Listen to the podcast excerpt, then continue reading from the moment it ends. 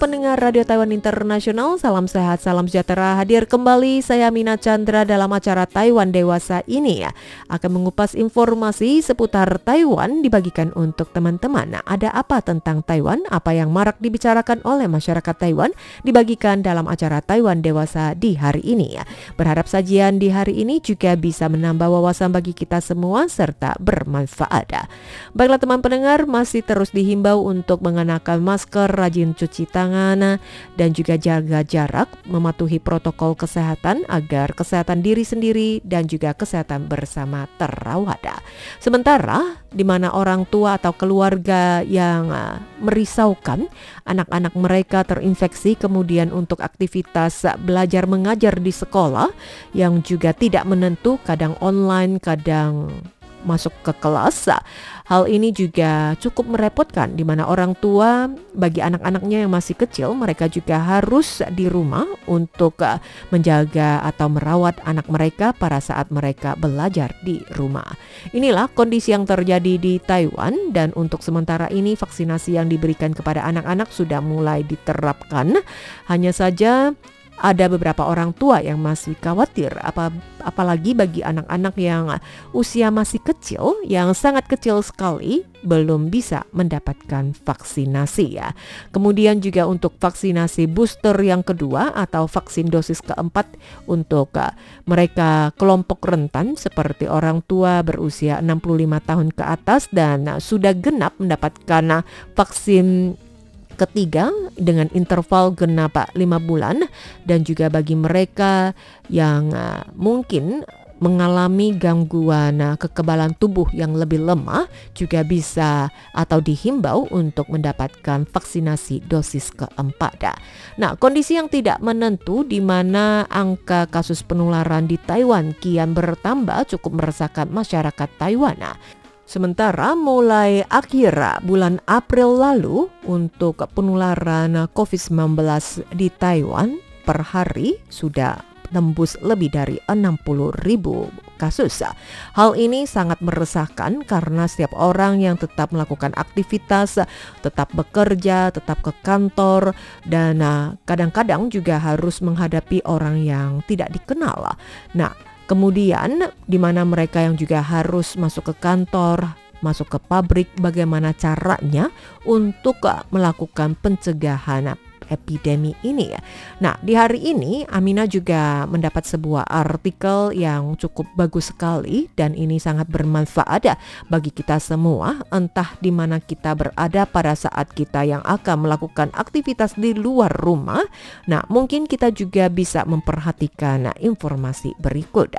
Nah, apa yang disebut dengan uh, Omikron? Omikron yang dikenal dengan uh, varian mutasi dari COVID-19 atau virus corona ini dan uh, dikatakan bahwa Omikron pada umumnya mereka yang berada di udara dan juga bisa remain atau stay selama 20 menit hingga 3 jam dengan tingkat kebasahan dari udara yang ada, adanya uap air, sehingga membuat mereka juga lebih mudah menyebar luas. Kemudian bisa tertempel bagi orang yang tengah berinteraksi, misalkan di baju, lalu di tangan mereka, kemudian tangan tersebut yang memegang hidung, memegang mata, telinga, mulut, dan bisa masuk ke tubuh manusia. Sementara orang-orang yang juga akan melakukan aktivitas di luar bepergian, kemudian virus ini juga ikut menyebar seiring dengan pergerakan manusia. Nah, oleh karena itu, setiap hari kita yang juga harus lebih rajin untuk membersihkan diri termasuk juga khususnya untuk tangan ya sebelum kita makan rajin mencuci tangan kemudian juga kalau bisa uh, dengan hand sanitizer dengan demikian untuk kebersihan tangan kita uh, lebih terjaga atau lebih berlipat ganda menjaga kebersihan di tangan. Nah, kita melihat bahwa mereka yang harus setiap hari pulang pergi kerja berangkat bekerja, ada yang menggunakan kendaraan pribadi dan juga ada yang naik transportasi umum karena lebih praktis, lebih mudah, misalkan dengan bus umum atau juga MRT atau juga kereta api. Kondisi demikian kita bisa melihat transportasi umum yang dipenuhi dengan para penumpang dan asalkan kita yang tetap mengenakan masker mulut tertutup dengan rapat kemudian juga jaga jarak dan di sini juga dihimbau Barang-barang yang biasanya kita pakai di tempat umum, misalkan saja kartu isi card Yoyo yang kita gunakan pada saat kita naik kendaraan umum, bis umum atau juga MRT dan sering kita keluarkan dan uh, diharapkan atau dianjurkan kita bisa menggunakan bungkusan plastik yang bisa melapisi kartu Easy Card Yoyo tersebut dan kemudian juga bisa kita bersihkan secara berkala. Nah, di sini yang juga dianjurkan pada saat kita naik transportasi umum, misalkan saja bus umum karena kita berdiri dan juga butuh pegangan dan nah, lebih baik kita juga bisa membedakan tangan bersih dan tangan kotor. Misalkan saja untuk pegangan menggunakan tangan kiri, kemudian untuk mengambil barang-barang pribadi kita misalkan kunci atau HP, kita bisa menggunakan tangan kanan. Dan sebaiknya setelah kegiatan apa pun di luar rumah dan kita juga bisa membersihkan tangan dengan hand sanitizer atau alkohol. Nah, kemudian juga pada saat di kantor tidak bisa menghindari kegiatan-kegiatan yang harus berkumpul, misalkan rapat dalam satu ruangan lebih dari dua orang, sebaiknya tetap mengenakan masker, atau pada saat kita akan mengambil minuman di tempat kantin, dan jangan lupa untuk membersihkan tangan. Nah, kebiasaan seperti inilah yang harus terus kita perhatikan. Atau pada saat di dalam kondisi satu ruangan, sebaiknya juga bisa menyalakan mesin-mesin pembersih udara di sini juga dianjurkan bisa memilih pembersih udara berkelas filter HEPA yang memiliki uh, daya penyaringan udara yang lebih efektif, partikel udara hingga 0,3 mikron, efek penyaringan lebih dari 99,7 persen. Dengan demikian, udara yang lebih bersih dan bisa menghindari dari kuman-kuman atau virus-virus yang ada.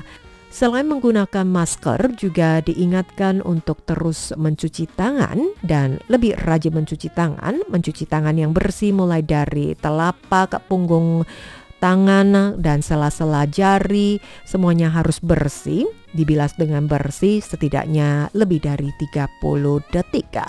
Dan Selain itu juga harus menjaga kondisi tubuh yang fit dengan mengasup vitamin-vitamin yang ada mulai dari vitamin C yang bisa didapat dari berbagai jenis buah-buahan, vitamin A, vitamin E, vitamin D3, omega 3.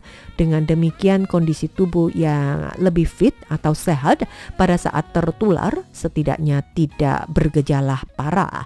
Nah, di sini diingatkan bahwa gejala Omikron adalah demam, sakit tenggorokan, atau mungkin juga pilek, saluran pernapasan yang terdapat gangguan, sakit perut, sakit kepala, demam, batuk, atau juga kehilangan indera penciuman. Dan apabila demikian, juga bisa melakukan rapid test. Apabila memiliki gejala demikian, tentu saja juga harus segera berobat untuk mendapatkan ya obat atau perawatan lebih lanjut. Kemudian di Taiwan sendiri yang juga mulai diterapkan rapid test, warga masyarakat di rumah yang juga sudah menyiapkan alat rapid test apabila memiliki gejala yang cukup mencurigakan, maka mereka bisa melakukan tes di rumah sendiri apabila terinfeksi wajib melapor dan juga mendapatkan obat untuk menjalani perawatan lebih lanjut.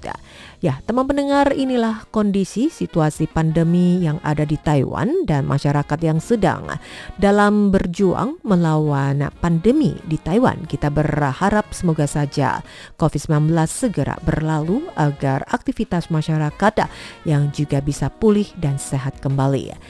Demikian teman pendengar informasi yang Amina bagikan untuk Anda di hari ini. Semoga saja bermanfaat. Amina pamit dulu, kita bersua kembali di lain kesempatan.